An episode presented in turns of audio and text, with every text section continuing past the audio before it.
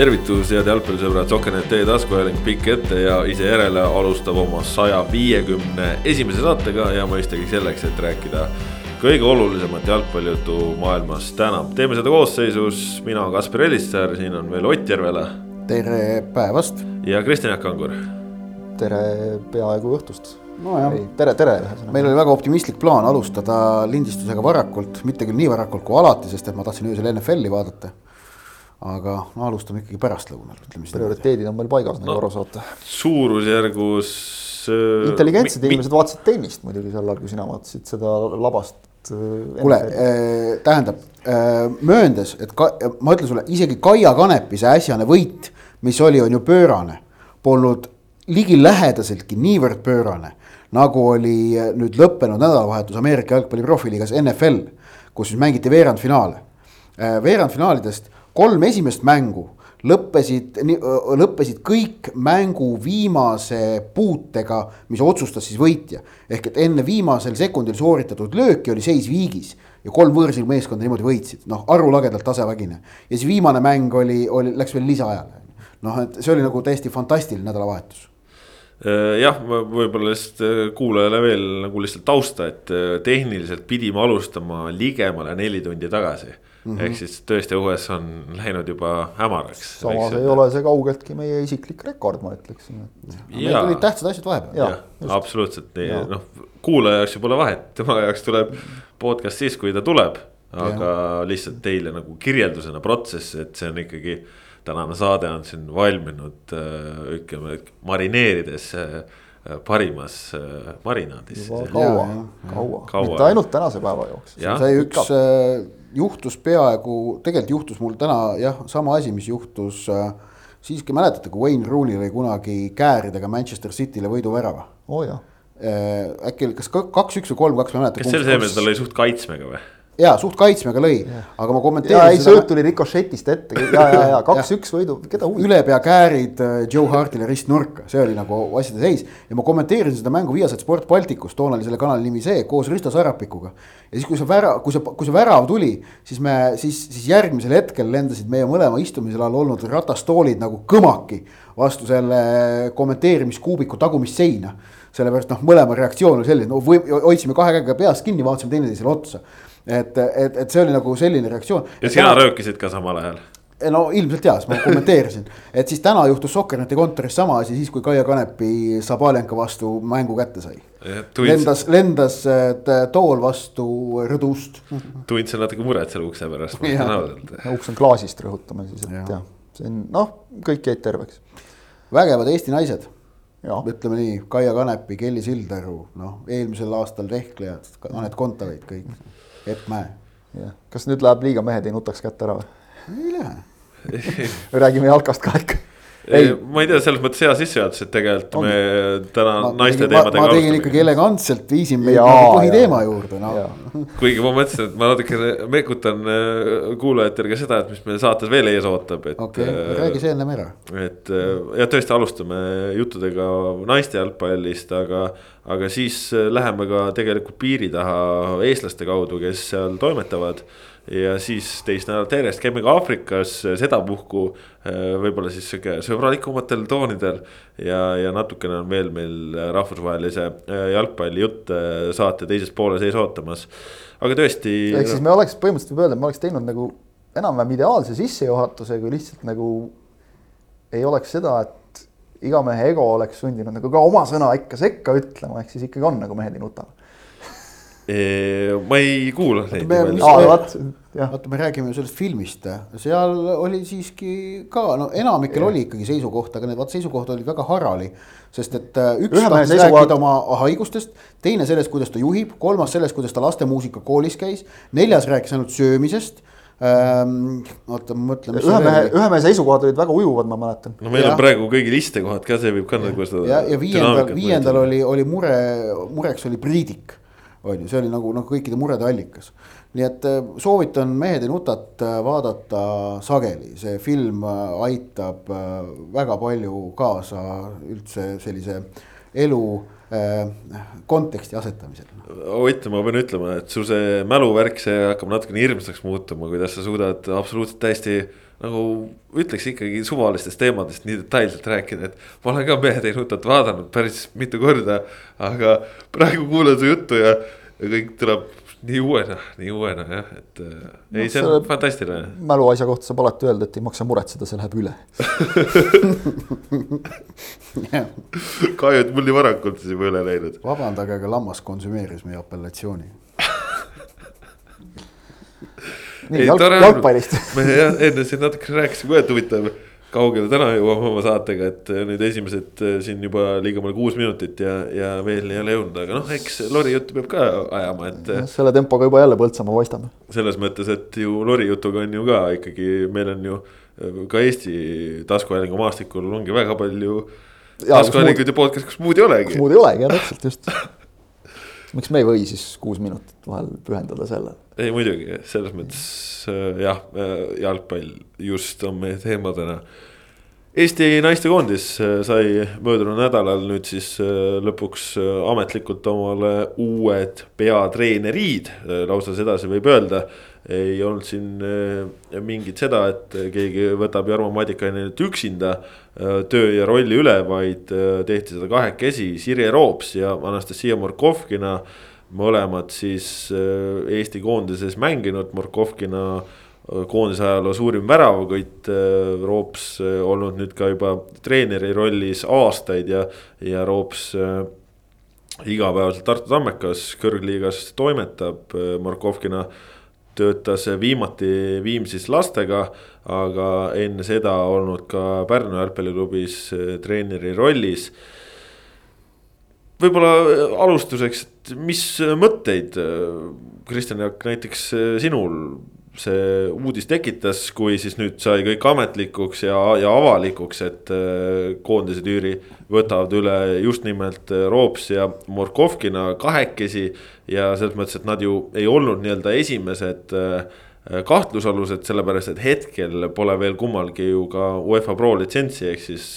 ehk siis see ring, kust võis oodata Madikaineni nii-öelda mantlipärijat või pärijaid oli natukene teine no oli natukene teine jah, selles mõttes, et juba selle pealt on, on, on, oli on nagu natukene teine, et Jarmo Madikaineni roll oli ju selgelt mitte ainult naiste A-koondist juhendada, vaid ka noh, Eesti naiste jalgpalli arendada igas, igal võimalikul moel.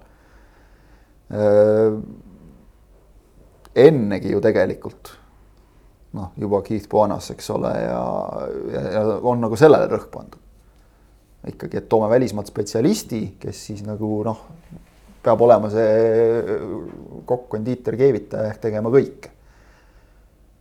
ühtepidi väga vajalik, teistpidi noh, ka ikkagi natukene jällegi killustab mõnes mõttes võib-olla. et, et nüüd usaldatakse Eesti treenereid, on alati nagu tore. no loogiline olnuks siin mitu aastat järjest Eesti meistriks tulnud äh, Flora peatreener Aleksandr Ševoldajeva, kes noh, ma usun, et ühel hetkel ka sinna ametisse jõuab. tal on praegu teised kohustused ja, ja ütleme, et väga hea, et on, et on ikkagi mitu projekti, mida vedada, mitte, mitte see üks ja ainus A-koondis. et Eesti naiste jalgpallil on ikka tahkusid nagu palju rohkem õnneks jutt käib siis äh, noortekoondisest, mis võõrustab äh, kodus finaalturniiri. jah, samamoodi just, samamoodi nagu meil oli siin äh, see U seitseteist koondis, eks ole, mis, millest tehti nii-öelda nagu eriprojekt, mis on väga mõistlik, kui on kodune turniir ja eesmärk on seal hästi esineda. aga väga-väga raske on öelda, mida, mida Murkovkina ja Roops äh, tegema hakkavad täpselt, kuidas nende vahel rollid jaotuvad. see on alati ju põhiküsimus kahe peatreeneri puhul. Äh, noh, värske Eesti meeste jalgpallimeistri pealt näeme, et saab väga edukalt ära jagada ja, ja põhimõtteliselt nagu esimesest hetkest mingil määral ikkagi noh, väljapoole kommunikeeriti võib-olla natukene teisiti, aga oli selge, et asjad olid paigas ja noh, Eestis veel noh, Tallinna Kalev tuleb näiteks pähe, kellel on kaks peatreenerit, et kes võrdses rollis täiesti. et äh, see nagu on, mulle tundub, et noh, vaat peatreeneri töö on nagu läinud niivõrd palju mahukamaks, et, et see ei ole nagu nii haruldane enam muidu pikalt räägiti ju Rootsi meeste A-koondisest, kus oli kaks peatreenerit nagu, et kui millestki nagu väga erilisest, et noh, tänapäeval ta ei ole nii eriline enam. see on muidugi küsimus, kuidas täpselt need rollid jaotuvad, koondise treeneri töö on jälle teistsugune klubis, eks ole, saad aru sellest, et on, on rohkem ülesandeid tihedamalt.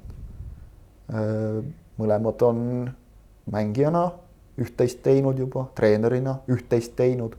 aga kas see nüüd kokku ka annab, ütleme siis nagu sama hea liidetavate summa, seda ainult saab aeg näidata. no vaatame ähm,, esialg või praeguse seisuga on tegemist lühiajalise lahendusega. kui leping on ikkagi ainult üheaastane, siis see on koondise jalgpallis väike aeg. seda kindlasti. ja, ja tegelikult, miks see leping on üheaastane Äh, seal on kaks põhjust, üks neist on see, mida sa juba mainisid, on tegelikult Aleksandr Ševaldajevi hetkel ole seotus äh, U seitseteist koondisega, kes mängib siis järgmise aasta suvel oma koduse finaalturniiri ära ja seejärel on idee poolest võimalik ka Ševaldajevat soovi korral A-koondise juurde tuua. Aga teine on, on ikkagi ka see, et need noh, tulemuste osas on, on ka ikkagi selged nagu ootused olemas ja, ja tuleb vaadata, kas nagu õnnestub sellel treenerite duol tulemusi tuua, ehk et Eestil on ikkagi ootamas ees nüüd sel aastal käimasoleva valiksarja need mängud, kust on reaalne punkte võtta. Kasahstan ja Kreeka on need vastased valikgrupis, kelle käest on, on, on reaali-, reaalne midagi kätte saada. no Prantsusmaa käest ei ole, isegi Sloveenia käest on neetud keeruline, kuigi siin ühel aastal väga kaugele ei jäädud vist ühes mängus teises mängus jällegi jäädi väga. et, et, et, see on nagu asjade reaalne seis ja toodi lisaks välja veel ka siis selge eesmärgina Balti turniiri võitmine, mida Eesti naistekoondis pole eh, suutnud pärast eh, kahe tuhande neljateistkümnendat aastat, samuti põlvkondade vahetus. ehk et kõiki, kõigi nende teemadega on vaja nüüd hakata äh, treeneritel noh, tegelema nende, nende, nende poole pürgima ja liikuma aga noh, ma nagu ei, ei üldse ei isegi ütleks niimoodi, üldse ei tähtsustaks seda, et peatreenerid koondisel on nüüd, et, et, et on kaks ja et nad on eestlased üle pi päris pika pausi järel, kui, kui meil on või, või, või ka seda, et tegemist on nüüd Eesti naiste koondises üle väga-väga pika aja esimeste naispeatreeneritega. Ähm, see on tippsport, eesmärk on tulemus. Äh, vahet ei ole, kuidas seda tehakse kes on, kas peatreener on eestlane või välismaalane, kas mees või naine, kas neid on üks või kaks. Tegelikult loeb see, kas nüüd tulemused tulevad kaks tuhat kakskümmend kaks või mitte, sest tulemust pole Eesti naistekoondis suutnud teha ikkagi pikki aastaid. ja ma arvan, see, kas tulemused tulevad või mitte, määrab ära ka selle, mis on Roopsi ja Markovkina võimalused samas ametis järgmisel hooajal jätkata, järgmisel aastal ning äh, üks nagu oluline asi toodi ka tollel eelmise nädala üritusel, mis oli pressikonverentsi kohta ikka tavatult pikk, meil läks vist seal nelikümmend viis minutit vähemalt. jah, see oli on, ikka erakordselt pikk jah. ja Eesti jalgpallis nii pikki pressikonverentse üldjuhul ei ole ehm,. Ehm, toodi välja, et ikkagi probleem, mis Jarmo Madikaineni ametiaja viimasel aastal selgelt nagu ava-, äh, ilmnes ja võimenes, oli see, et paljud Eesti parimad mängijad ei soovinud Madikaineni juhendatavasse koondisesse tulla. Äh, signaalid, mida me eelmine nädal kuulsime, annavad mõista, et sellise murega ei tohiks Roops ja Markovkina silmitsi olla.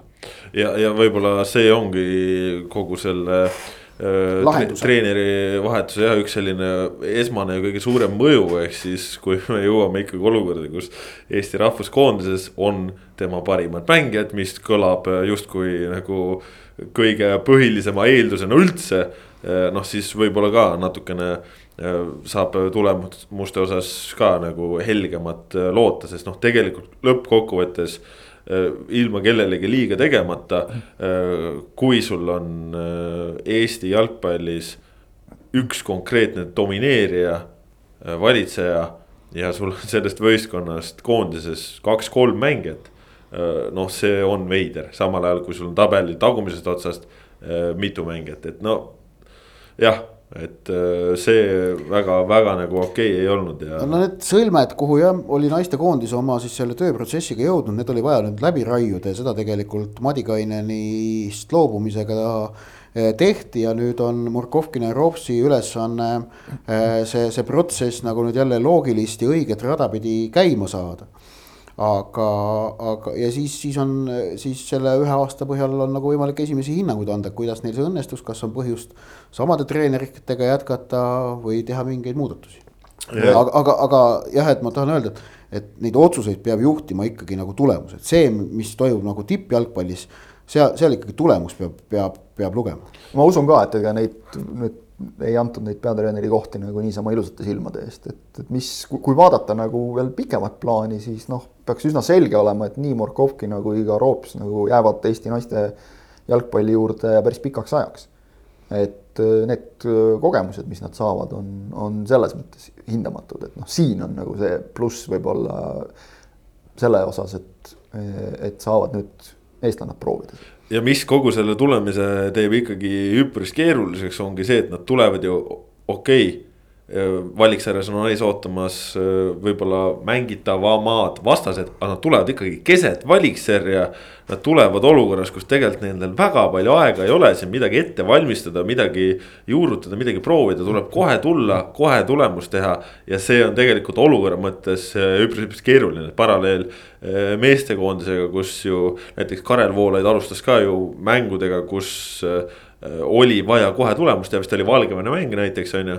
ja, ja noh, siis ongi see, see ei ole nii lihtne lava äh, kui võiks eeldada, on ju, et kui sul ei ole tegelikult sellist mõnusat ettevalmistust, võib-olla siin mingeid asju on vaja muuta, midagi on vaja ümber harjutada, et. Äh, palju sul seda koondise puhul ikka on tegelikult? no, ütleme... no natuke on teinekord, saad omale, ütleme kasvõi selle noh, Eestis ei saa Balti turniiri ka võtta, eks ole, kui nagu Ott ütles, sellise harjutuse kohane, et seal ka nagu nõutakse ja eeldatakse ja, ja noh, maavõistlustega me teame, kuidas need on kalendrites väga nagu kokku kuivatatud. aga, aga naiste kalendris. aga, aga no, vahel on, aga suures plaanis ikkagi noh ongi, koondis on see koht, kus tuleb teha tulemust ja kohe enamasti. aga naistekoondisel, siis tuletame, et valikmängudega jätkavad nad aprillis, aga tõsi on ka see, et neil on muidugi veebruari lõpus on ka üks koondise aken.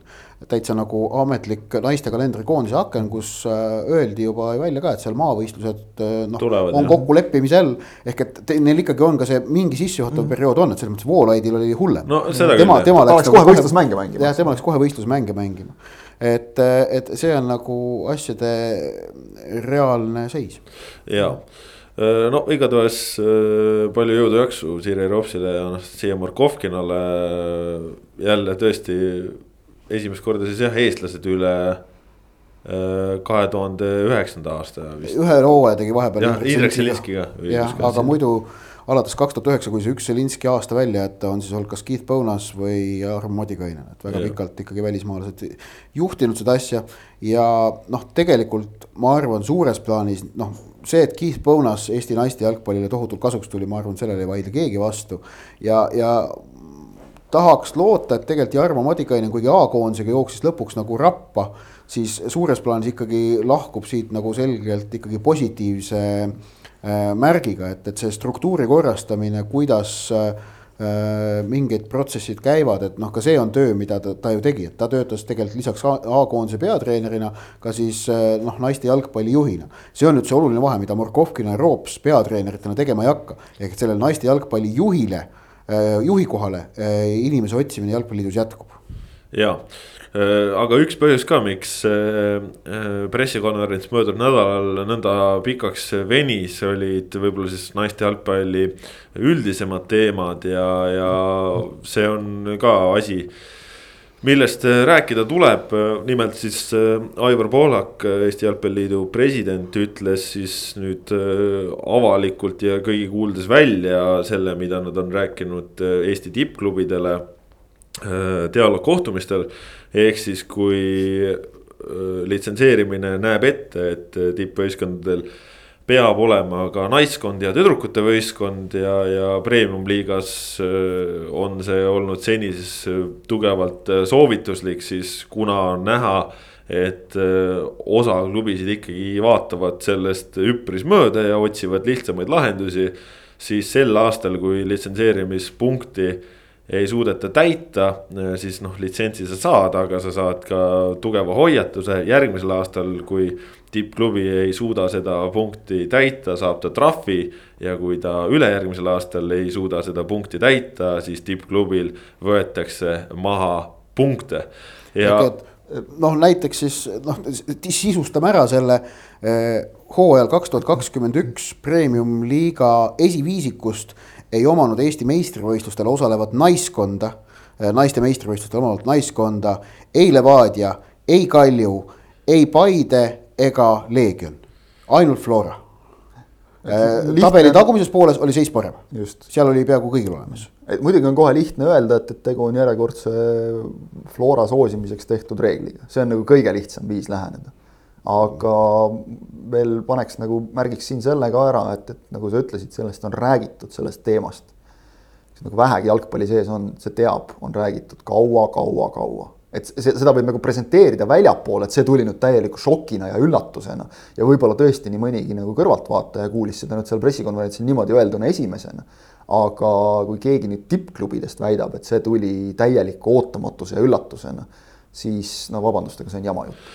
ma, ma nüüd lähekski selle juurde, et lugesin äh, möödunud nädala lõpus ka ühte päevalehte ja, ja seal oligi ka siis Eesti tippklubide, noh, klubijuhid ikkagi sõna võtmas äh, rääkisid sellest, kui noh, esiteks, kui üllatavalt see kõik tuli ja, ja, ja noh, ma lugesin seda ja ma ikkagi ütlen ausalt, ma muutusin seda lugedes päris vihaseks, et äh,. Eriti kui seal oli noh, näiteks lause, naised on kulu.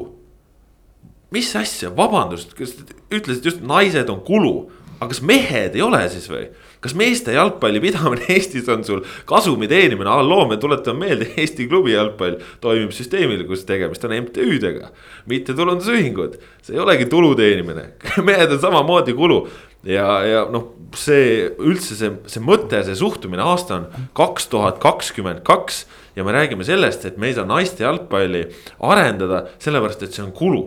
no kuulge, vabandust, aga see on ju, see on ju ma, ma, ma isegi ei taha sellele, selle jutule mingisugust nimetust anda, sest sellepärast noh, võib-olla kõige sihukese nagu lihtsam või üldisem vaade.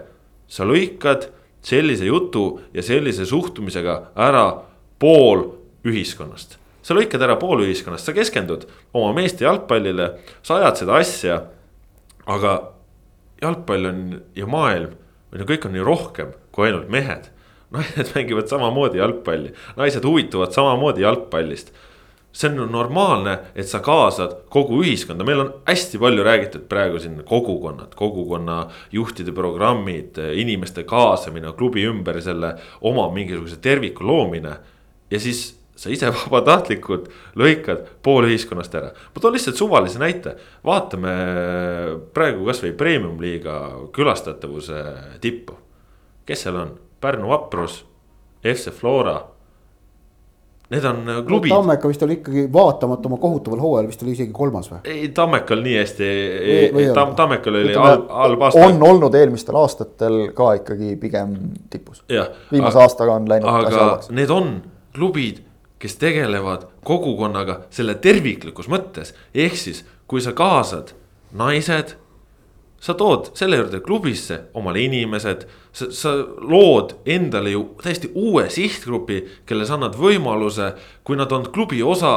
Nendele meeldib see, see kokkuvõttes, see tugevdab su organisatsiooni, see laiendab su kandepinda, see annab sulle pool ühiskonnast juurde, selle asemel lõikad välja, naised on kulu, no meil on üks, meil on üks Eesti tippklubi, kus, kus on klubi juht täiesti otse öelnud ka, et, et tema peamine eesmärk on esindusmeeskond. noh, võib meeldida või mitte esindusmeeskonna edu, võib meeldida või mitte, aga see on vähemalt aus jutt. samas on ka neid tippklubisid, kus räägitakse kogukonnast, selle arendamisest kõik ja, ja siis nüüd tuled sellise lausega sinna juurde veel käib ka lause, et, et naiste jalgpalliga ei ole võimalik teenida noh, ma saan aru muidugi, mis kontekstis see oli, et, et noh, me räägime siin nagu tõesti noh, iga võistkonna pidamine selles mõttes on kulu, kulude ja nagu tulude tasa, tagasi teenimisest, ärme siinkohal unustame ka seda, et, et naiskonna täpselt nagu meeskondade ülevalpidamiseks antakse ka Jalgpalliliidust raha. et ei ole päris nii, et, et täiesti oma kulu ja kirjadega pead kõike tegema. ja no minu jaoks taandub see natukene sellele nagu, et äh, ongi, et kas on sul nagu peamiselt meeskond, esindusmeeskond, mida siis ülejäänud asjad nagu natukene ka toetavad. või, või siis otseselt toetavad sul... ehk et sa pumpad noortesüsteemist raha välja no,. eks ole, või, või ka seda, eks ole, või otseselt, otseselt või kaudselt, seal ei olegi nagu vahet. või siis sul on ikkagi klubi, mis, nagu sa just ütlesid, toetub kogukonnale. kõige lihtsam näide on see, et, et Eestis peaks minu teada olema päris mitu klubi, kus on äh, väikeste jalgpallipoiste ja tüdrukute, muide äh, poiste ja tüdrukute emadest pandud kokku võistkond, kes käib lihtsalt mängimas oma lõbuks, see on täiesti rahvaspordi tase, aga see on tervislike eluviiside au sees hoidmine, see on üheskoos millegi tegemine, täpselt seesama, see kogukonnatunne. kui suur on tõenäosus, et äh, need seal öö, koos käivad vanemad jõuavad esindusvõistkonna mängudele? päris arvestatav, ma ütleksin kui suur on tõenäosus, et kui sa ütled välja sellised laused, siis nemad ei tunne selle esindusmeeskonnaga erilist sidet? no päris suur, aga. päris suur, ma see küsimus ongi mõtteviisis, küsimus on mõtteviisis ja mõtteviis muuseas ja, ja, ja see siin tuleb vaadata natukene ka Euroopa konteksti laiemalt, ehk et kui me vaatame nii kahe tuhande seitsmeteistkümnenda kui ka tänavuste naiste Euroopa meistrivõistluste finaalturniiri osalejaskonda. Need, need on esimesed finaalturniirid, mis mängitakse kuueteistkümne naiskonna osavõtul Euroopas. Ehm, kuueteistkümnest naiskonnast mõlemal puhul endisest idablokist, kusjuures ma võtan ka Jugoslaavia endise idabloki alla. Ehm, noh, ühesõnaga äh, on ainsaks esindajaks Venemaa kõik ülejäänud viisteist koondist, nii kaks tuhat seitseteist kui tänavu naiste EM-il on kas Vahemere maadest, Lääne-Euroopast Suurbrit- või noh, Briti saartelt või Põhjamaadest ehk et noh, nõnda vanast Euroopast. ja, ja, ja see ei ole juhus, see on väga selge reeglipära, ehk et need ühiskonnad väärtustavad just nimelt sellist terviklikkust klubi arendamistel, kogukonna arendamisel. naiste jalgpalli nähakse seal nagu loomuliku osana jalgpalliprotsessist mitte lisakuluna, vaid aga, aga noh, vot sellised, selliseid ja kusjuures ka, kui me vaatame ka näiteks Põhjamaade või, või ka siis sellesama Hispaania ja või, või ütleme noh, Vahemere maade või ka Suurbritannia nagu jalgpalliklubide struktuure, siis seal selliseid äh, võistkondi ka tippliigades, kus nagu omanik paneb kõvasti raha sisse, et esindusvõistkonnaga tulemust teha, sa ei näe. Või, või näed neid üliharva sellised võistkonnad ja projektid on omased Ida-Euroopale, endisele Sovetistanile. Eh, noh, suurimaks näiteks hetkel Euroopas on Tiraspoli šerif, tõsi, nad on jõudnud välja meistrite liigasse, aga, aga noh.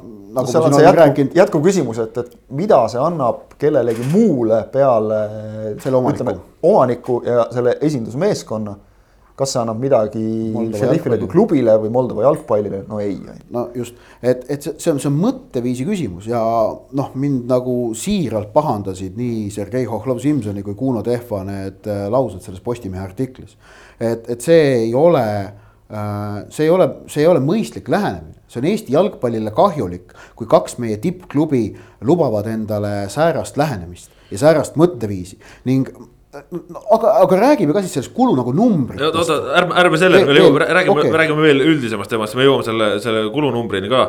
aga, aga kõige nagu hullem ongi see, et kui sa seal ütled et äh, seda ei saa teha kohustuslik, see ei saa olla kohustus, see peab tulema vabatahtlikult. ja meil on soov olemas, aga kui teil see soov on olemas, miks te siis ei tegele sellega, see on ju jama jutt. Te olete ja, lasknud ja... Äh, omal võistkonnad pigem laiali, ühel, mõlemal on, on võistkond olnud olemas, seda oleks vaja nüüd edasi arendada, ühel, eks ole, sai takistuseks noh Levadial mängis. teatud huvidega naiskond... treener, eks ole, ja, ja teistel te,, teisel ikkagi noh, ka mingi teatav huvi puudus nagu. ükskõiksus oli see, mis. ükskõiksus jah, toimival ja. võistkonnal lasti ära laguneda, sest et see ei olnud oluline, et, et seda, muidugi jah, ehitama hakata on raskem, kohe esimene küsimus kust me kõik need mängijad võtame, eks ole, noh, kõik selline. sa pead tegema mängijatele sellise äh, pakkumise, et nad tahaksid sinu võistkonnast mängida ja ma ei räägi praegu raha pakkumisest. ega sa pead pakkuma sellele võistkonnale äh, normaalseid treeningtingimusi ja, ja, ja muud kõike seda sarnast nagu noh, sest et Eesti naiste kõrgliiga on amatöörjalgpall see on asjade nagu selge seis ja ei ole näha, et see muutuma oleks niipea nüüd hakkamas. sa pead pakkuma neile seda tunnet, et nad lähevad korda. rohkem polegi väga palju vaja selle juures, sellega arvestavad kõik. treeningtingimused, varustus, transport. no ja, ja no, isegi jätame selle kõik kõrvale. mõned sümboolsed žestid. jaa, puhas suhtumine kui sa suhtudki, kui sa ütled välja, kui sa ütled praegu välja, et see on kulu, siis ma ütleks, et noh, see, see jääb inimestele nagu meelde, et järgmised paar aastat, et kes see sinna tuleb, kulust rääkides veel hästi kiirelt, kas nagu nendel vaprustel ja, ja, ja, ja tammekatel ja kõikidel nendel klubidel, kas neil on nagu rohkem raha või? kas esiliigas mängivatel Tallinna Kalevil või, või Tabasalul, kas, kas neil on rohkem raha? No ja, ja siit ongi kõik, kõige hullem on, on see, et äh, nad heidavad ette, et nagu jalgpalliliit surub peale aga peabki suruma peale, kui ta ise ei suuda mitte midagi teha. Eesti jalgpall ongi sellepärast sellises seisus ka, et meil on klubides vähe initsiatiivi ja mitte, ma ei räägi naiste jalgpallist, ma räägin igal tasemel. see, et meil oh,, meil ei ole treenereid, aga kelle ülesanne on treenereid koolitada. jah, jalgpalliliit teeb sulle mingi koolituse, aga treeneri arendamine on täpselt samasugune protsess nagu mängija arendamine. mängijaid peab arendama klubi, treenereid peab arendama, see peab endal olema see soov midagi arendada, midagi luua. sa ei heida, sa ei heida ju koondise treeneritele ette, et nad ei arenda sinu mängijaid piisavalt. koondise treener, kes on liidu palgal. miks tehti Eesti jalgpallis kogukonnajuhtide projekt, sellepärast et äh, klubid ise ei tegelenud selle teemaga no,. miks tehti tehti praegu noortetööjuhtide projekt, sest klubid ise ei olnud nõus seda, sellesse ametikohta investeerima. ja see on ju kriminaalne, et Eesti klubid ei ole nõus investeerima noortetöösse, no kuidas see üldse võimalik on? noored on ju kõige alus, kui sa tahad mängida jalgpalli, su esimene ülesanne on moodustada võistkond. kuidas sa komplekteerid võistkonna, mis on nagu kõige lihtsam, sa kasvatad nad ise, see on A ja O, aga sellega ei te tegeleta, sellega ei taheta tegeleda, seda peab ka jalgpalliliit peale peale suruma. see on ju naeruväärne klubid, halloo, millega me tegeleme. ma ütlekski nagu, et siin jalgpalliliit on võib-olla natukene noh, nagu üle pingutanud sellega, et, et see, see mm. kõik see ei saa tulla sealt, et, et noh, mis, mis järgmiseks siis?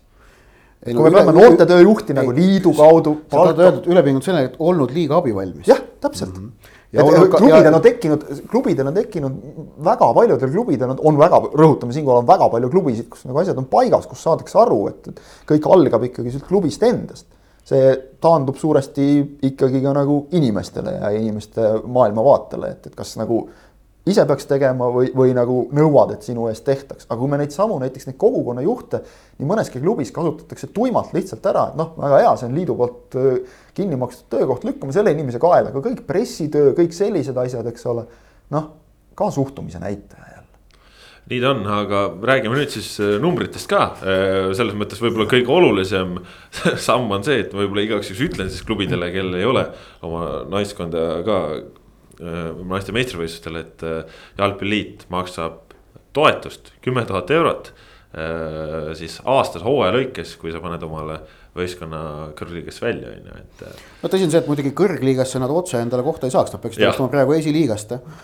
Need, kellel siis ei ole, tähendab, mitte nad ei peaks, vaid nad peavad, sellepärast et muidu nad saavad aasta pärast trahvi ja kahe aasta pärast miinuspunktid. ja ma ütlen kohe, et mõlemad karistused on igati asjakohased ja selle üle kiunamine on täiesti põhjendamatu aga, aga, aga selge on see, et me, me räägime kulust, mis on äh, ilmselt äh, noh, võrreldav umbes ühe keskpärase võõrmängija aastapalgaga. Äh, selle, selle tippklubi jaoks, et, ähm, et tähendab, et noh üks, üks Mitrovic vähem ja Levadial oleks naiskonna eelarve jaoks raha olemas ja jääks ülegi jah, et noh. no, no on niimoodi. no reaalsuses. no ja mitte mul Mitrovitši vastu konkreetselt midagi oleks, aga ma toon ta nagu noh, toon, toon ta näiteks, et, et, et, et noh selle, sellistest ütleme, see ongi nagu see valiku koht, et see ei ole nagu see, me, ei räägi siin profinaiskonna asutamise nõudmisest. vaid sa pead tagama naiskonnale treeningtingimused. kaks treenerit võiks olla. jah, kaks treenerit vähemalt ikkagi noh, äh, varustuse, äh, transpordi Äh, siis äh, jah, sa pead treeneritele tagama, on ju, palgaraha.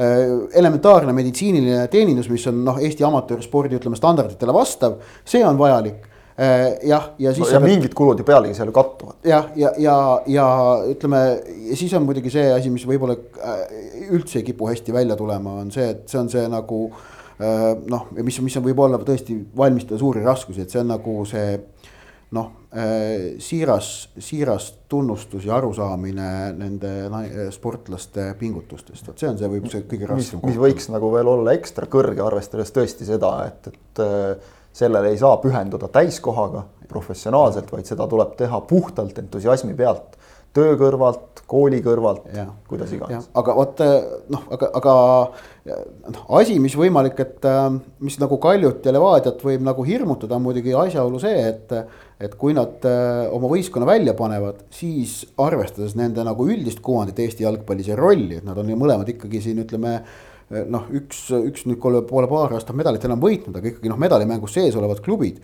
siis hakatakse ka nende naiskondade äh, käest ütleme, nende poole hakatakse vaatama küsivalt, et miks need tulemused, kui need on kehvad, miks nad nii kehvad on. see kahtlemata, see on täpselt juhtunud muuseas ka maailma jalgpallis. me näeme seda, et ma ütlen, naiste jalgpall on ju teatavasti hetkel maailmas kõige kiiremini arenev spordiala noh, vähemalt traditsiooniliselt e-sport ilmselt läheb kiiremini eest, on ju. aga, aga ta on kõige kiiremini arenev spordiala. Manchester Unitedil kaks tuhat seitseteist polnud veel oma naiskonda olemas. Äh, ühiskondlik surve muutus nende jaoks väljakannatamatuks, eriti kusjuures siis, kui Manchester City oli äh, naiskonnaga tulnud Inglismaa meistriks ja, ja üldse väga edukas. et nad, nad põhimõtteliselt noh tekitasid selle endale väga kiiresti ja on hakanud sinna väga jõuliselt investeerima, nad ei saa endale lubada seda ühiskondlike ootuste tõttu, et nad selles, selle valdkonnaga ei tegeleks. ning ma väga loodan, et me Eesti jalgpallis jõuame samamoodi tõesti nüüd ikkagi väga ki kiiresti selle olukorrani, kus Eesti tippklubid ei, isegi ei mõtle selle peale või noh, tähendab, nad, nad ei saa endale lubada enam mitte naiste jalgpalli eiramist, mida nad seni on siiamaani teinud. see, et Levadial on naiskond Rahvaliigas Levadia-suguse võistkonna jaoks kümnekordne Eesti meister meeste seas, see on naiste jalgpalli eiramine, nad on ka naiste jalgpallis mitu korda Eesti meistriks tulnud, aga selle projekti lihtsalt nagu mingil hetkel ära lõpetanud. et see ei ole aktsepteeritav eriti jah, ütleme, et, et sa ütled, et see on kulu, kui me räägime võib-olla tõesti naistevõistkonna ülalpidamisest siin mõnekümnest tuhandest eurost. ja, ja seda siis noh, muidugi see on, see on ju ka raha ja see on suur raha, aga noh, olukorras, kus sul on eh, meeste esindusvõistkonna treeneri pingil seal kuus, kaheksa, võib-olla veel rohkem äh, liiget on ju, et siis, et sa mis ei leia seda, leia seda, mis mida... ongi, ei absoluutselt ei ole halb asi. aga kui sa nagu sinna suudad panustada sedasi, siis no võib-olla naistele kaks treenerit äkki leiaks, äkki leiaks kaks treenerit ma ei tea. nagu vaadata, et, et meile antakse, mis on väga positiivne, nagu väga julgelt siin, siin sellest kõvasti on juba näiteid, kuidas antakse näiteks oma duubelmeeskonna treenimine nagu väga noortele mängijatele ma usun küll, et on, on, on selliseid, kes, kes hea meelega võtaksid ka, ka naiskonna ükskõik millise võistkonna treenida, sellepärast et see ju arendab sind ennast. kust need, kustkohast need uued äh, Roopsid ja Morkovkinad tulema peaksid siis? ja noh, no, siin ütleme siis üle tõesti, et noh, Kalju puhul tõesti aastaid ju ei olnud probleeme, nendel oli kõrgliigas mängiv võistkond, siis oli seal esiliiga, esiliiga, esiliiga peal on ju. aga nendel oli kõik olemas tüdrukute võistkonnad, aga noh pärast seda, mis eelmisel aastal toimus, seal asjad läksid no, ja, väga nagu kiirelt. teatav mingi lagunemine vist algas juba natukene enne, et, et noh, see ja. ei ole nüüd nagu seda ei saa nagu ajada ka sellega kraesse, et nüüd ühe inimesega seotud, vaid seal oli ka pigem sama. tugevalt ikkagi. no ta võimendas ta tugevalt. eestvedaja seal. ja seda küll, ta võimendas tugevalt, eks ole, aga, aga see algas ikkagi ka kõik nagu või noh, hakkas, hakkas nagu hargnema natukene ka sealt, et kuidas sa suhtud sellesse kõigesse, kas see on su jaoks oluline või on ta kuskil seal seitsmendajärguline? Ja noh, lõpuks jah kui naised on kulud, siis jah, mehed on samasugune kulu. no mehed et, ja, ja noh, ütleme ka, ka noh, tegelikult vähemalt ideaalis jah, eks ole, ei tohiks ka noortesüsteemi ülevalpidamine olla nüüd selles mõttes nagu mingisugune tuluallikas, et, et noh, kui sa oled otsustanud sealt saadava tulu pumbata otse esindusmeeskonda, siis noh, on no,, on see sinu otsus, eks ole, aga see ei peaks nii olema. ei no see on nüüd koht, kus, kus äh, noortesüsteemist äh, saadavate sissetulekute, ma ei taha seda nimetada tuluks äh, kasutamine esindusvõistkonna jaoks peaks olema mingi mehhanism, mis selle keelaks ja välistaks. ehk et kogu noorte võistkondadele eraldatud avalikest vahenditest raha ja ka kogu noorte võistkondade liikmemaksudest kogutud raha tuleb suunata tagasi selle klubi noortesüsteemi. noh, ma möönan, selle reegli kehtestamine ja, ja kontrollmehhanismi kehtestamine on keeruline. ja noh, paraku me teame, et eh, eetilisusest eh, jääb selles vallas piisavalt paljudel klubidel kahjuks puudu, et sellest nagu iseenesestmõistetavast printsiibist ise aru saada et noh, see, see probleem on meil Eesti no, jalgpallis olemas. juhte on ju vaja ka väljaspoolt, nii et. jah, et, et, et see nagu, see nagu on olnud probleem, aga noh, tegelikult see ei ole nagu normaalne et no. vot siin on proovitud palju, noh suvaline näide lihtsalt seesama kurikuulus KTM reegel, millest on palju räägitud, eks ole ka, et noh, miks nagu suruda klubidele seda, teist, kolmandat peale. las nad teevad ise no,. minu meelest, minu meelest praegu need nagu need, need sõnavõtud ja kõik see näitab nagu väga selgelt, et meil oleks valdavalt premium liigas meeskonnad, mitte klubid, Need esindusmeeskonnad, mille ainuke noh, nii-öelda Tiraspoli šeriffe oleks, oleks täis tõenäoliselt. aga vaata, see on nagu ja tore. siis, ja siis teised seal kangutavad kuskil seal tagumises otsas, et lasedki seda karusselli kogu aeg. püsid seal eesotsas, võtad selle euroraha, maksad selle jälle välismängijate palkadeks. saad sellega eurokoha, võtad selle euro ja nii ta käib, eks ole, ja, ja kui palju, vot nüüd on küsimus ja kas see on kasulik sellele konkreetsele, ütleme siis klubile või esindusmeeskonnale, no ilmselt on, sest mainet on, eks ole, ja kõike ja sul on meeskond ja sa mängid Eesti meistrivõistluste tipus ja kõik on hästi. kui palju on sellest kasu Eesti jalgpallile laiemalt, vaat siin nüüd unustatakse nagu minu meelest see ära.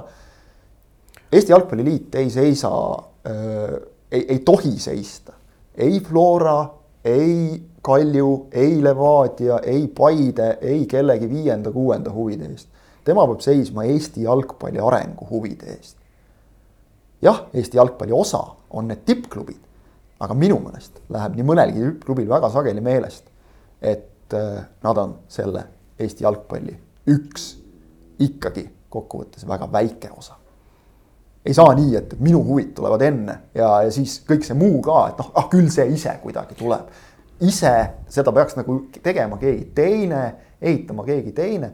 kust need tippklubid ka oma mängijad võtavad, kui suhtumine kõigesse ülejäänusse on niisugune? See võib-olla kõlab jube karmilt praegu, aga kõrvalt vaadates nagu sellised välja öeldud laused ei jäta, ei jäta ausalt öeldes muud võimalust no, sellesse asja niimoodi no, mõt, mõt, suhtuda ja sellele niimoodi reageerida. kui sa räägid reaalselt nagu sellest, et see või teine on kulu.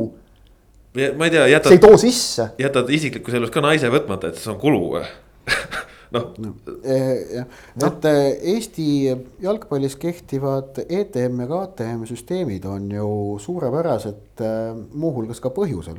et nad muudavad ülimalt keeruliseks ja teatud piirini isegi täiesti välistavad eh, sellise oligarhluse Eesti klubi jalgpallis. sul ei ole võimalik lihtsalt rahaga ennast väga kiiresti kuigi kõrgele osta. jah, sa suudad ilmselt rahaga jõuda välja kõrgliigasse aga siin kõrgliigas toimetades sul on vaja klubi enda kasvandikke, sul on vaja ka Eesti mängijate nimel konkureerida ja sa ei saa välismängijatega endal võistkonda üle kuhjata, mis kõik nagu seavad ette piirid ja sunnivad äh, klubisid tegelema tervikliku arenda, iseenda arendamisega. see on väga hea asi see on väga hea asi, et Eestis ei ole mitte ühtegi Tiraspoli šeriffi praegune see süsteem ja olukord on võrreldamatult palju parem sellest, kui mõni Eesti klubi oleks Tiraspoli šerifi moel jõudnud meistrite liigas alagrupi turniirile. ehk et mitte mingil juhul ma ei tahaks, ma ei vahetaks meistrite liiga mänge A Le Coq Arena'l välja selle praeguse olukorra vastu. Äh, eeldusel, et need meistrite liiga mängud on siis saavutatud moel, nagu ma kirjeldasin, šerifi moel. ja seejuures kõikide nende reeglite või siis noh kohustuste pealt, nagu siin mõni ütleb, nende pealt on võimalik sul oma klubi hoida omanäolisena. teha nii asju, nagu sa ise soovid, nende reeglite piirides. noh, kasvõi suvaline näide on ju, et noh, Levadia, kes tuli Eesti meistriks, ta panustabki kogenumatele jalgpalluritele. väga okei okay lähenemine, see ongi sinu viis, sinu tee, see on okei okay ja see rikastab ka samamoodi seda jalgpalli. aga lihtsalt kõikide nende asjade juures, noh ei saa arvata, et Eesti jalgpall areneb iseenesest, et kõik tekib iseenesest, iseeneslikult. meil ei oleks praegu seda, et meil on äh, premium-liiga enam-vähem profiliiga taoline olukord ja, ja ilma selleta, kui me oleksime seda iseeneslikkust jalgpalliliit ei maksaks neid toetusi, siis Nõmme Kalju oleks ise samamoodi eelmisel aastal jäänud sellest saja tuhandest eurost ilma. oleks samamoodi olnud neil veel raskem ja samamoodi siis oleks nendel tippudel kiun selle üle, et ai, see liiga on nii ebaühtlane, üldse ei saa mängida. mida kostis aastaid, mida kostis aastaid, et, kuidas me mängime, kui kogu nii, nii ebavõrdne on kõik ja nüüd oli siis möödunud hooaeg, kus äh, tabeli tagumine nelik äh, mängudes tabeli esimese nelikuga kahekümne viiel protsendil kohtumistest veerandil juhtumistest võitis punkte. ehk siis äh, jah, et no võib-olla siis ootame veel asju, aga, aga noh, kui niimoodi ootama jääme, siis, siis me oleme ühel hetkel selleks, et eh, miks Eesti jalgpall ei ole arenenud ja miks me oleme siiamaani samas seisus. no kullakesed, ise peab asjadega tegelema, vaat seesama, see terviklik arenemine on just nimelt ka see, millega, kuidas jalgpalli arendatakse Põhjamaades mis kahtlemata peab olema Eesti jaoks nagu eesmärk. Põhjamaade, Põhjamaades on jalgpall juhitud vastutustundlikult nii klubi kui ka alaliidu tasandil. seal noh, mõeldakse, saadakse aru oma laiemast rollist ühiskonnas. Põhjamaades muuhulgas on ka selles mõttes tore või ütleme noh, tore, vaid, vaid see on nagu vastutustundlik ollakse ka selles, et Põhjamaades ei ole üldjuhul selliseid ülemakstud mängijaid. et noh, sellist nagu just nimelt seda, seda rahakotiga tulemuse tegemist näeb seal vähem võrreldes mingisuguse, kasvõi näiteks Lätiga. kusjuures raha peaks ju nagu teoorias ütleme, ma ei tea, Norras näiteks olema. ja nagu... raha seal ongi. rohkem ja ongi, ongi rohkem, aga see pannakse mujale. ei jah, see, see, seda kulutatakse jalgpalli sees oluliselt ühtlasemalt. et selle esindusvõistkondade eelarvete osakaalt terve klubi eelarvetest on oluliselt väiksem kui mujal. teoorias peaks kui olema. kui Ida-Euroopas ja ma väga tahan, et Eesti jalgpall oleks nagu Põhjamaa, mitte nagu Ida-Euroopa teoorias peaks olema Norras nagu mingit Tiraspoli šerifi sarnast asja teha oluliselt lihtsam kui kuskil Transnistrias. okei okay,, noh, seal mängib see ka rolli, et see, kui puhas see raha on, eks ole, ja kõik see, aga aga, aga me ei näe selliseid asju ja need Põhjamaade tippklubid, nad, nad nagu ei, ma ei ole tähele pannud, et keegi nagu tõmbleks selle üle, et näed, me jõudsime meistrite liigas küll alagruppi. sealt langesime välja, kaugemale ei ole sealt väga jõudnud, ei ole ju Põhjamaade klubisid eriti, kes oleks edasi murdnud, eks ole. Play-off idesse üksikud ainult ja, ja ütleme, sellest on nüüd ka viimasel ajal natukene aega möödas, et tegelikult äh, isegi siin Eesti jalgpalliga seoses on räägitud, kuidas praegu peaks maailmas nagu raha olema tohutult väidetavalt, ma ei tea, mul ei ole näidanud keegi miskipärast. ei ole omanike mängukandjad, vaid nad on ühiskondlikud institutsioonid. täpselt, ja see, see seotus on, ühiskonnaga, see, see, kuidas noh, sa pead peegeldama nagu ja. seda, mis on ümberringi. mitte ja, olema kuskil nagu selline riik iseeneses. ja aga võib-olla kõige lõpetuseks, kui me räägime isegi ühiskonnast, siis tuletan lihtsalt igaks juhuks meelde, et inimene on inimene ja ühiskonnas meil on väga justkui näiliselt erinevaid inimesi, meil on mehed, meil on naised, meil on äh, usklikud, meil on mitteusklikud, meil on äh, eestlased, meil on venelased. meil on heterod, meil on geid, meil on väga palju näiliselt erinevaid osakesi, aga nad kõik kokku moodustavad ühe terviku ja nad kõik on inimesed, täpselt samasugused inimesed ja võib-olla seda tasuks meeles pidada, et naised ei ole kulu, mehed on samasugune kulu, see kõik on sarnane ja võib-olla tasuks ka nagu klubi arendamisel mõelda ühiskonna kui terviku peale, mitte lõigata ära mingeid osapooli juba eos. võib-olla tasuks anda. võib-olla see tundub kõigile. nagu praegu väga ka nagu noh, karmilt nagu kõlav ütleme siis hinnangu andmine või, või sõnavõtt, aga teinekord enne, kui mingeid asju välja öelda, tasub korraks ka mõelda, mis, mismoodi need kõlavad tegelikult. mitte lihtsalt, et need on nüüd mingid sõnad, vaid mismoodi see, see asi sisuliselt kõlab. ehk täpselt see, millest sa praegu rääkisid. nii lihtne ongi vot nii palju sellest teemast äh,. räägime natukene helgematest asjadest ka, eestlased äh, välismaal äh, eelmine nädal tõi siis hea uudise Mattias Käidi näol. liitus Rumeenia noh, ikkagi ajalooliselt äh, suure klubiga. Äh, Bukaresti Rapidiga sai nädalavahetusel juba ka debüüdikirja, kui vahetusest sekkus küll null-üks kaotusmängus. aga käis juba oma uue klubi eest esimest korda ametlikus mängus väljakul, käis selle peapaelakesega, mida tal nüüd äh, tuleb kanda, et äh, mis aitaks võib-olla tulevikus äh, peavigastusi natuke ennetada või vältida. väga selline kihvt minek ja, ja noh, nüüd tuleb küll ainult loota, et, et Käit saab mängima. arvestades, mille pealt ta läks, ehk et noh jah, okei okay,, koondise mängud, mõned olid head, aga kui sa ikka pea pool aastat ei ole mänginud ja noh, ikkagi. trauma tõttu. just ja see, see linnuk on juba kuskil kirjas, et, et sellel mehel on noh, no see on selge, et võrdsete CV-de puhul võib juhtuda, et see lükatakse teise kuhja.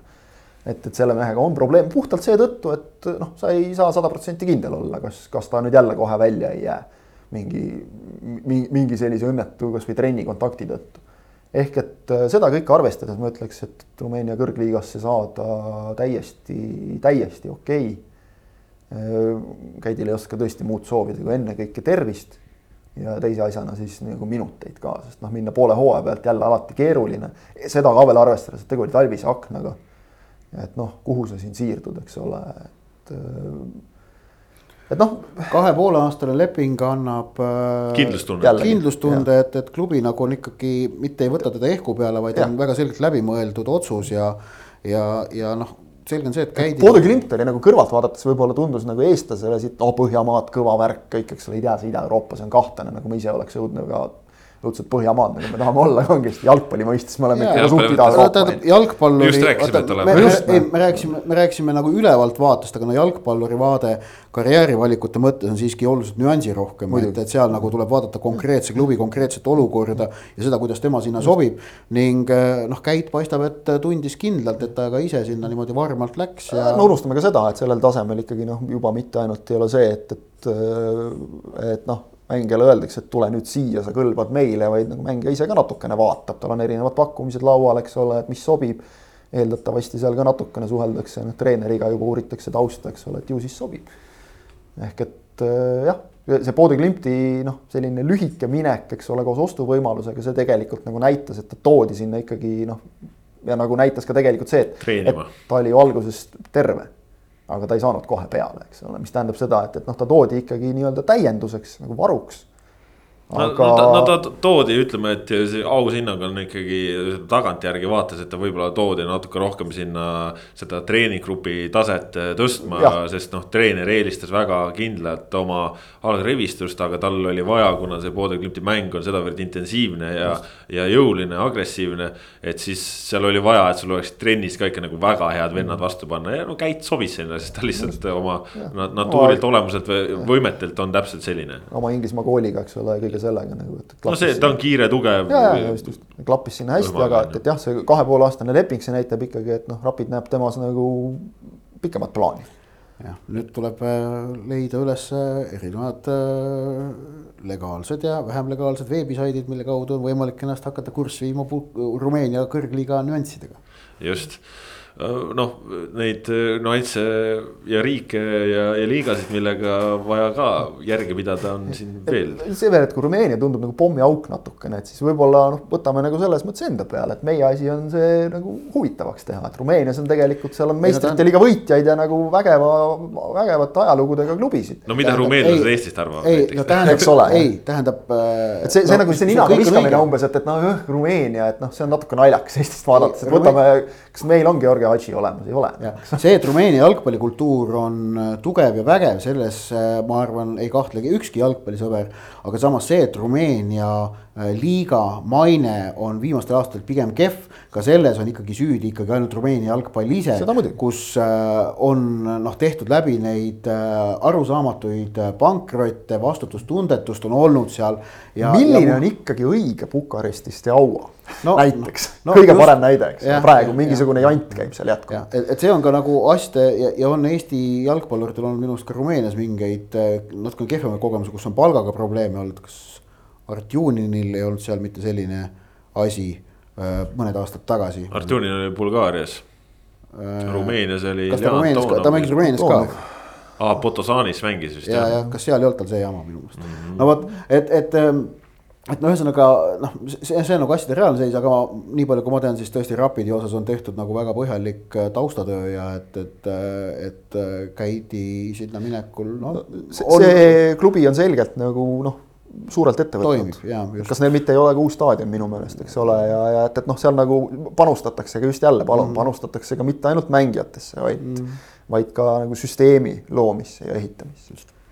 Ja aga millele viitasin ka kaugete maade ja liigade striimide otsimisel Henri Anierist me oleme juba natukene rääkinud, aga Ott, sa said nüüd äh, ka vestelda temaga enne, kui ta üldse kellegi teisega on Eestis oma muljeid jaganud äh, sellest Tai asjast. mis Henri rääkis sulle? no ta, tema jutust ikka ja jälle käis läbi see sõna privileeg, et ta nagu siiralt näeb äh, et, et see, et ta saab sellises kohas praegu mängida, et see on, see on tema jaoks nagu privileeg. ja noh, kui ta, kui natukene seda tausta nagu enda jaoks selgemaks teha, siis on täiesti ikkagi arusaadav, et noh, et. et vaadata natukene selle nende, nende Aasia noh, tugevamate liigade, mille sekka Tai tegelikult ikkagi kuulub, kui vaadata ka noh, tulemusi Aasia meistrite liigas, et noh, see on nagu selles mõttes nagu arvestatav liiga Neid tegutsemispõhimõtteid, siis tõesti välismängijate arv, noh ütleme nii, et vot jätame, seal on omaette limiidid Aasia välismängijatel, aga need, kes nagu võivad mujalt maailma jagudest tulla, sul on kolm tükki võistkonna peale veel rangem kui Eestis. no just ja sul, see tähendab seda, et nende, näiteks nende, nende Ida-Aasia nelja tippmise liiga äh, või noh, ütleme noh, Tai kõrgliga peale kokku sul ongi, sul on kuusteist satsi äh,, igas ühes kolm tükki, et sul on nelikümmend kaheksa välismängija kohta ja, ja, ja Hiinas on seis umbes sama, Lõuna-Koreas sama. et, et sinna nagu pääsemise nimel konkurents on kõva ja arvestades, et noh, et Eesti jalgpallur konkureerib sinna kõigi maailma brasiillastega on ju, no alustuseks ja siis tulevad muud ka veel sinna otsa. et, et, et äh, ta nagu selge on see, et, et see võimas väravate hooaeg, mis siin tal Eestis oli, et see talle selle ukse avas ja võimaluse andis ning, äh, ning äh, noh, ma tegin Henri Aniriga esimese intervjuu siis, kui ta oli Geno Sampdoria Primavera satsis, äh, mängis äh, veel teismelisena. ja, ja juba toona ma mäletan, see oli ikka mingi mituteist aastat tagasi aga juba ma toona. see oli äkki kuskil mingi kaks tuhat üheksa või kuskil seal. jah, jah, no ma olin Õhtulehes veel selline suht noor reporter, ma mäletan politseipargis ajasime juttu, saime kokku. Äh, et aga, aga toona juba ma mäletan seda, kuidas ta rääkis tohutu innuga sellest, kuidas talle noh, igas, kuidas talle nagu tohutult pakkus huvi see see teises kultuuris elamise kogemus. Ja, ja hilisema Anieri karjääri jooksul ta on nagu pea iga kord, kui ta, kui ma temaga nagu noh, parajasti tema tolle hetke tegemistest olen rääkinud, kui ta kuskil välismaal on rääkinud, ta, ta ikka jälle rõhutab ka seda, et talle noh, tohutult huvitav on kogeda erinevaid jalgpallikultuure tema kui jalgpalluri jaoks. ja see on nagu selgelt üks põhjus, miks ta selle Tai kasuks otsustas, ta ütles, et variante oli ka Euroopast, oli, oli Poolat, oli Kreekat, oli Küprost, oli Araabia maadest, seesama India Chennai, millest noh, Twitter kubises, et seal olla tõsi nagu taga olnud ka, et noh, pakkumine tõesti või noh, huvi oli nagu tuntud. aga et tema enda selline kindel, kui, kui see Tai variant tekkis, et talle nagu see nagu tundus, et igatepidi nagu õigesti klapib. ja, ja lihtsalt ma nüüd noh, nüüd on nagu huvitav on jälgida see, et, et, et esiteks see, et kas ta nagu, kas tal õnnestub seal läbi lüüa seal on ilmselgelt on see, et kui nagu välismängijaid on vähe, siis nõudmised neile on eriti kõrged. ehk et noh, tuleb kohe lööma hakata. noh, samas on see, et tal esialgne leping ongi pool aastat, et noh, et kui, kui see pool aastat ei õnnestu, siis kõigi eelduste kohaselt uut lepingut ei pakuta, kui õnnestub, siis äh, pakutakse ilmselt võib juhtuda, et äkki isegi paremat äh,. aga, aga ja teine asi on siis vaadata seda, et kas tal, kas tähendab, kuidas see siis mõjutab tema nagu staatust Eesti koondises. et seal on lihtsalt äh, küsimus selles, et noh, vahemaad on pikad äh,. aga samas noh, vaevalt nüüd Anieri kvaliteet nüüd sellega teab, mis palju ära kaob kuskil seda kindlasti mitte, no ainu, nagu- ainus asi, mis saaks nagu takistada noh, teoorias, eks ole, on see, et, et kui sa ei saa tulla mingil põhjusel. aga seal on koondise mängu. aga arvestades, just, ma ütlengi, et, et muud, muud midagi ei saa ju olla tegelikult nende pikkade vahemaade puhul, et, et ega siin need meil need USA-s mängivatel meestel ei olnud ka nagu nüüd tingimata see, et, et noh, ei, ei äh,. et, et nüüd kaugelt on tulla eks ole, vaid noh, seal olid muud asjad, eks ole, natukene ikkagi, et, et see, see distants iseenesest nüüd küll ei mõjuta, et noh. tänapäeval nagu lennata, mis ära ei ole siis. ja noh, igatahes Henrile ka palju edu seal ja, ja noh, tore on. tore oli see, et esimeses mängus kohe, mis ta tegi, oli, oli ikkagi sinimustvalge tribüüni peal, et legendaarne koondise fänn Rootsi kunn oli parajasti Taimaal puhkamas, hoolitses selle eest, et Anieril oleks? Muang Tongi eest debüüt kodune profid ja, ajastavad puhkusi. no vot just, et see, vot see on nagu selline tore asi, et, et ikka see on vaata väikeriigi eelis. et yeah. oleksid sa mhm. brasiillane, keegi ei läheks sul sinna Brasiilia lipuga sellepärast nagu lehvitama, aga kuna sa oled eestlane, siis vot pannakse tähele, hoolitakse, elatakse kaasa ja, ja noh, Radislav Kreida ka on ju, me vist pole selles võtmes temast äh, saadetes rääkinud, rääkisime, et oli, oli see variant äh, Ukraina minna, nüüd on see kõik tehtud ka ja ja sarnane leping nagu Helsingboris oli, ehk siis äh, laen võimalusega osta, et äh, Kreida jaoks kindlasti keskkonna mõttes, äh, ka keele mõttes kindlasti lihtsam. et ütleme, et ta saab seal võib-olla siis noh kuidagi lihtsamini kohe, kohe soonele on ju. ühtepidi lihtsamini soonele ja teistpidi ikkagi see, et, et mis nagu on ka täpselt nüüd nagu tulnud noh, kuluaaridest välja väga selgelt, et et eh, miks Kreida murdis pärast seda, kui ta algkoosseisust välja vajus päris hea alguse järel Helsingforis, miks ta murdis võistkonda tagasi, miks ta oli otsustavates mängudes, üleminekumängudes väljakul? ta sai ise aru, et tuleb juurde panna. ta tegi ise rohkem tööd. kui see on võib-olla kõige tähtsam asi, mille ta sealt äh, Rootsist kaasa võttis, esimene välisklubi, seda on ju väga paljud öelnud, et et kui sa välismaale lähed, siis töö algab alles. Reeda sai seda noh, nagu üsnagi ilmselt nagu valusal moel tunda aga suur kiitus talle, et ta sai aru, milles on asi, mida peab tegema ja tegi. ja tegi nii hästi, et mängis ennast meeskonda tagasi. see on tal nüüd olemas, ta teab, mida ta enam teha ei tohi, mis reha otsa ta ei tohi astuda.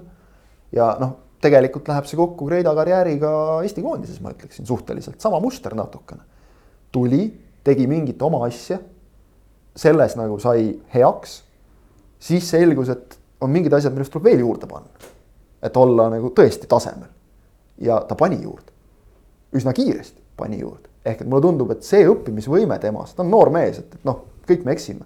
aga see õppimisvõime on temas vägagi olemas, see nagu annab äh, annab kõvasti lootust ja noh, sellest me oleme rääkinud seoses äh, Joonas Tammega eriti just, et Ukraina kõrgliigat palun mitte alahinnata.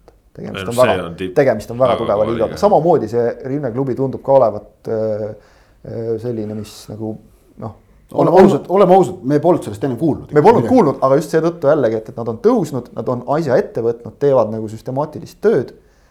et äh, eks näis, garantiisid loomulikult ei ole, aga noh mina olen selline. praegu neil läheb nagu normaalselt, et eh, hoiame pöialt Reidale, ütleme minu meelest eeldused selleks, et ta seal hakkama saaks, on vägagi olemas. mina olen eh, Eesti jalgpallurite välismaale siirdumise puhul ikkagi selline täiesti nagu lootusetu tegelane, selles mõttes, et ma olen alati see, et klaas on pooltäis tüüp. Juba ligi kakskümmend aastat aja, ajakirjanduses eh, töötanuna ma nagu alati nagu vaatangi olukorda ikkagi pigem nagu positiivses võtmes muidugi, aegade jooksul on pettumusi olnud, äh, kusjuures on ju rohkem kui õnnestumisi, aga, aga noh, see on nagu jalgpalliprotsesside juures täiesti ka loogiline.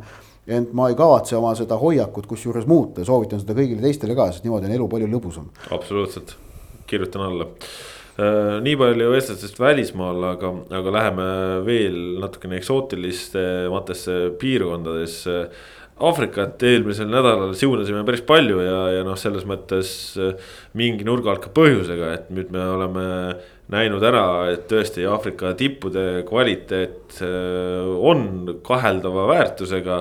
Äh, noh, kui meil siin turniiri noh, ütleme, et käimaminemisfaasis on juba konkurentsist väljas valitsev meister Alžeeria. lisaks suured Ghana ja, ja nüüd ka Nigeeria on ju, siis noh, see võib-olla siis, kui naiivselt äh, tipud on mänginud, kui naiivselt nad on tegutsenud. noh, see kõik tulebki välja, aga see, seda Nigeeria... saab vaadata ka siis positiivsemaks kindlasti no,. Nigeeria kaotas Tuneesiale kaheksandikfinaalis on nagu okei okay., no see on noh, ütleme nii, et noh, Saksamaa kaotas ka Inglismaale kaheksandikfinaalis, sellepärast noh, ei, ei saa nüüd eelmise aasta EM-i nüüd äh, sellepärast nüüd lamentima hakata aga noh, Ghana ja Alžeeria alagrupi toppama jäämine olukorras, kus ka enamik kolmanda koha satsi edasi said, see muidugi oli, no mõlemad jäid ju alagrupis viimaseks.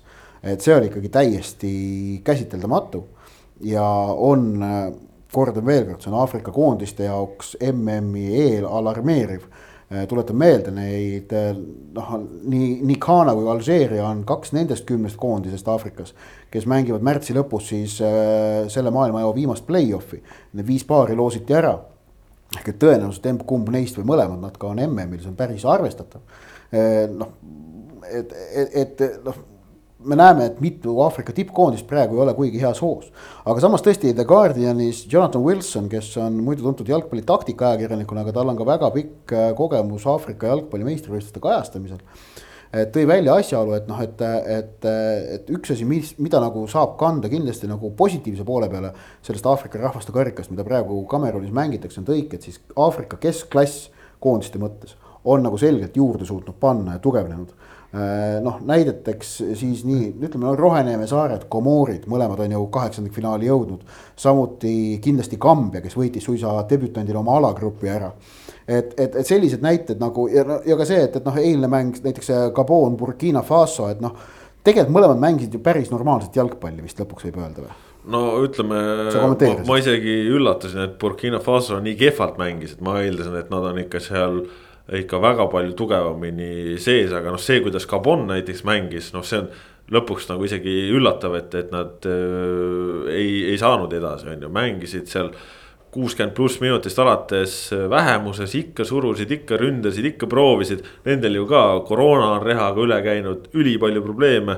see, aga noh, lõpuks siis oligi, et noh, kui ikkagi sul äh, pääseb kaheksandikfinaalis väljakule mees, kes vist igapäevaselt mängis, kui ma nüüd ei eksi, Prantsusmaa tugevuselt neljandas liigas noh, siis kui tema eksib penaltil, noh siis sa võib-olla saad sellest aru, on ju, et. et, et noh, seal need käärid ka võistkonna sees on nagu mingi nurga alt hästi ebaühtlased. et kui sul ongi Prantsusmaa neljas liiga versus siis ma ei tea, Prantsusmaa kõrgliiga kasvõi noh, see tase nagu ka võistkonna sees kõigub. aga, aga jah, noh, seal oli häid elemente, aga samas ka see kui noh, jällegi teistpidi, et Gabon on ju, et kui sa vähemuses mängides mängid hurraaga, siis sa annadki kogu aeg vastasele ju kontrarünnakuid, mida siis lihtsalt Burkina Faso ei suutnud nagu ära realiseerida, aga noh. keskklassi tase on veidikene tõusnud, see on hea, aga samas tipud ei suuda kehtestada ennast tippudena. see on ikkagi Aafrika jalgpalli jaoks murettekitav äh, signaal, et selles mõttes selle eelmise nädala kriitika juurde.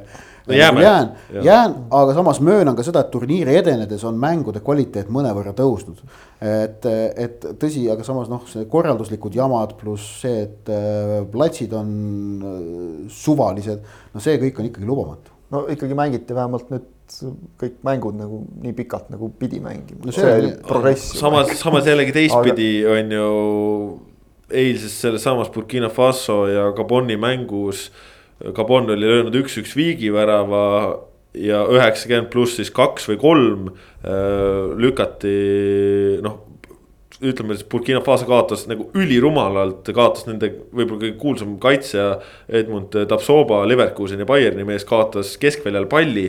Gabon sai kontrasse, lükati sööt enda väljaku poole peal.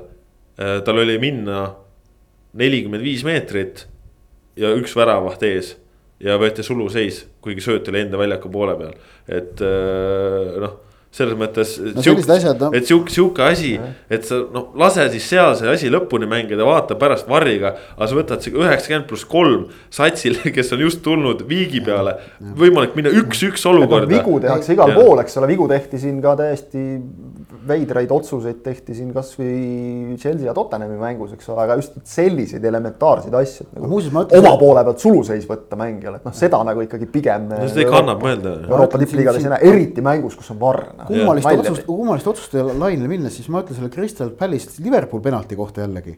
et mina seda mängu nagu laivis ei näinud ja siis vaatasin hiljem järele. ma nagu saan täiesti aru, miks see penalti anti ma nagu ma ütleks, see on minu meelest selline, see, see oli selline penalti, et äh, kui sa seda varriga vaatad niipidi ja naapidi, siis tegelikult sa saad nagu aina rohkem aru, miks see on penalti. aga mängus sees tundub jube ebaõiglane.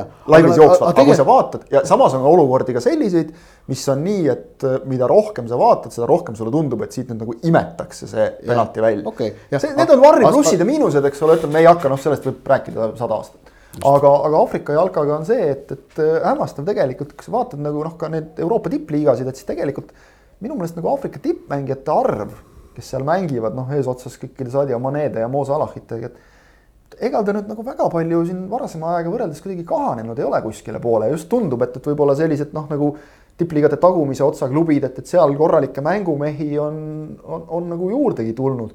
Aga huvitaval kombel, kui nad ikkagi jälle koondises kokku saavad, nii mõndagi seda koondist, kes on juba välja langenud, vaatad nimekirja ja mõtled, et noh, okei okay,, Ghana on näiteks andnud noh, veidi oli andnud nüüd tagasi veidi võrreldes mingite oma varasemate kuldaegadega. aga, aga ei ole nagu väga palju kehvem. aga ometigi needsamad mehed, kes nagu Euroopa väljakutel suudavad hakkama saada, teevad seal noh, kohati niisuguseid lollusi, et hoia mütsi. no kasvõi suvalt eilne näide, kui Tapsoba seal üheksakümmend pluss läheb sealt ise hakkab palliga mingit asja leiutama, selja taga on kõik tühi, noh ma ei tea, kas Leverkusenist ta läheks edasi, no võib-olla läheks, ma ei kujuta ette, aga noh. et midagi, midagi on nagu teistmoodi. seal on jah, seal nagu... kuidagi, et see oled, õhk on teine vist. kolmkümmend, kolmkümmend viis kraadi ja kuidagi. haarab nagu kaasa see Aafrika loomupärane ja, ja ülimalt sümpaatne selline noh, nagu vabadus. Lähme teeme noh. võt-, just võtame, teeme, lähme, noh, mängime lihtsalt, mängime ja. selle mängu ära, kas see kuidagi mõjutab, ma ei kujuta ette aga just nagu ikkagi seda on räägitud kogu Distsipliin väljakul puudub. distsipliin Aafrika koondistel.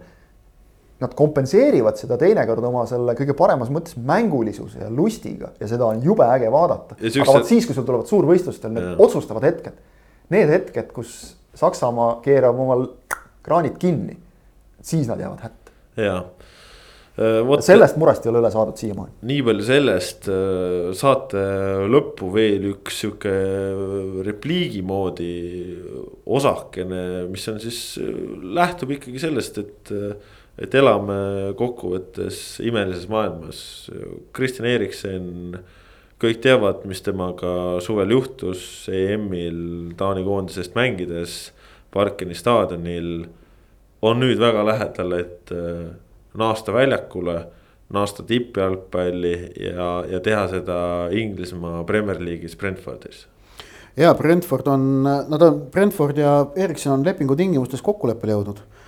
pool aastat võimalusega pikendada, aga nüüd see, kas see leping ka jõustub, sõltub siis meditsiinilisest ülevaatusest, mis noh, Eriksoni puhul noh, ei ole formaalsus, oleme, oleme ausad.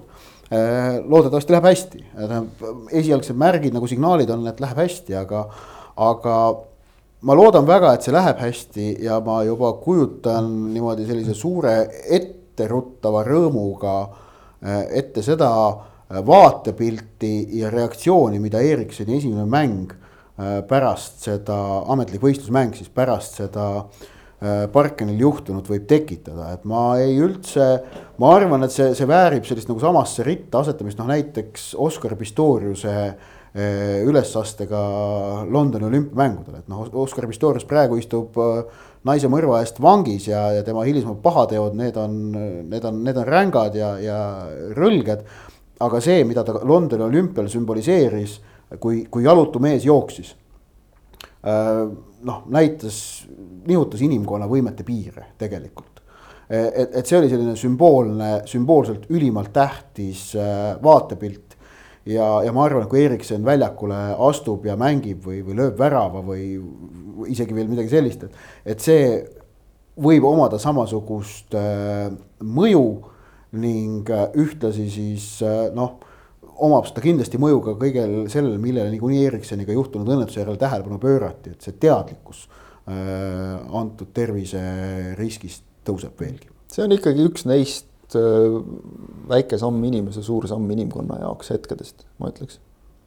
Läheb ikkagi küll sinna rubriiki täitsa julgelt ja noh, väikese nagu lisaboonusena on see, et, et teoorias siis eriti kui nüüd Erikson ka liitub, siis äh, Brentfordi taanlasest peatreener äh, Toomas Frank saaks soovi korral panna välja ainult põhjamaalastest koosneva algkoosseisu, sest seal on igavene hulk taanlasi juba ees ootamas. seal on rootslasest keskkaitsja Pontus Jansson. Seal on Soome noor, eeldatavasti tuleviku tähtründaja Markus Forss, seal on norralane Christopher Aier, nii et, et väga, selline noh, nagu ikkagi midagi ei ole teha, eestlase hingele ka natukene kuidagi nagu lähedasem punt on koos. ehk et Ericssonile see oleks selles mõttes nagu ka väga hea keskkond, kuhu minna, et, et see oleks kodune, lihtne, sest Brentford on niigi juba sel hooajal lootusi ületanud ja noh, kõik märgid nagu näitavad, et, et püsima jäämine sel hooajal liigasse ei tohiks pigem olla nende jaoks probleem see, see staadion on, on väga sobiva nimega Community Stadium ehk siis ongi nagu kogukonna staadioniks see nimetatud. ta on selline noh, natukene rohkem mahutav kui, kui A Le Coq Arena, et vist oli seitseteist tuhat või midagi sellist. et jah, nad kolisid oma ajalooliselt staadionilt ära suuremale, uuemale staadionile. Aga, aga ta on ikkagi Premier League'i mõistes väike ja selline hubane ja kuna alustati hooaega hästi, siis see õhkkond seal on olnud hästi positiivne, hästi toetav meeskond on ka selle toel kodus hästi mänginud. ja noh, Kristjan Erikson Brentfordis. see, et Brentford üldse on tagasi Inglismaa kõrgliigas, see on ilmselt nagu täielik unistuste täitumine, aga noh, siis on. See on juba natuke selline Leicester City maiguga, maiguga olukord. et, et see, see oleks lihtsalt nagu igatepidi äge, et, et loodetavasti jah, ta saab sellest tervisekontrollist läbi eelkõige tema enda pärast et noh, kui seal midagi ilmneks, siis see oleks ikkagi ju probleem mitte jalgpalli mõttes, vaid ikkagi Ericssoni edasise elukvaliteedi mõttes. ja, ja noh, näis, tema enda suur eesmärk on ikkagi see, et ta, ta ütles ka, et ta tahab leida endale klubi, kus ta saaks mängida. sest ta tahab minna Taani koondisega MM-ile vot just saame näha, milliseks elu kujuneb ja milliseks üldse elu meie ümber kujuneb, seda jälgime kõik igapäevaselt, sest selleks me siin maailmas ju elamegi. selline oli pikk ette järele saja viiekümne esimene saade, saate teid teieni Kaspar Elitser, Kristjan Jaak Kangur, Ott Järvela, aitäh, et meid kuulasite, kuulake meid jälle, oleme tagasi eetris nädala pärast, siis juba uute juttudega. hoidke naisi. Adjöö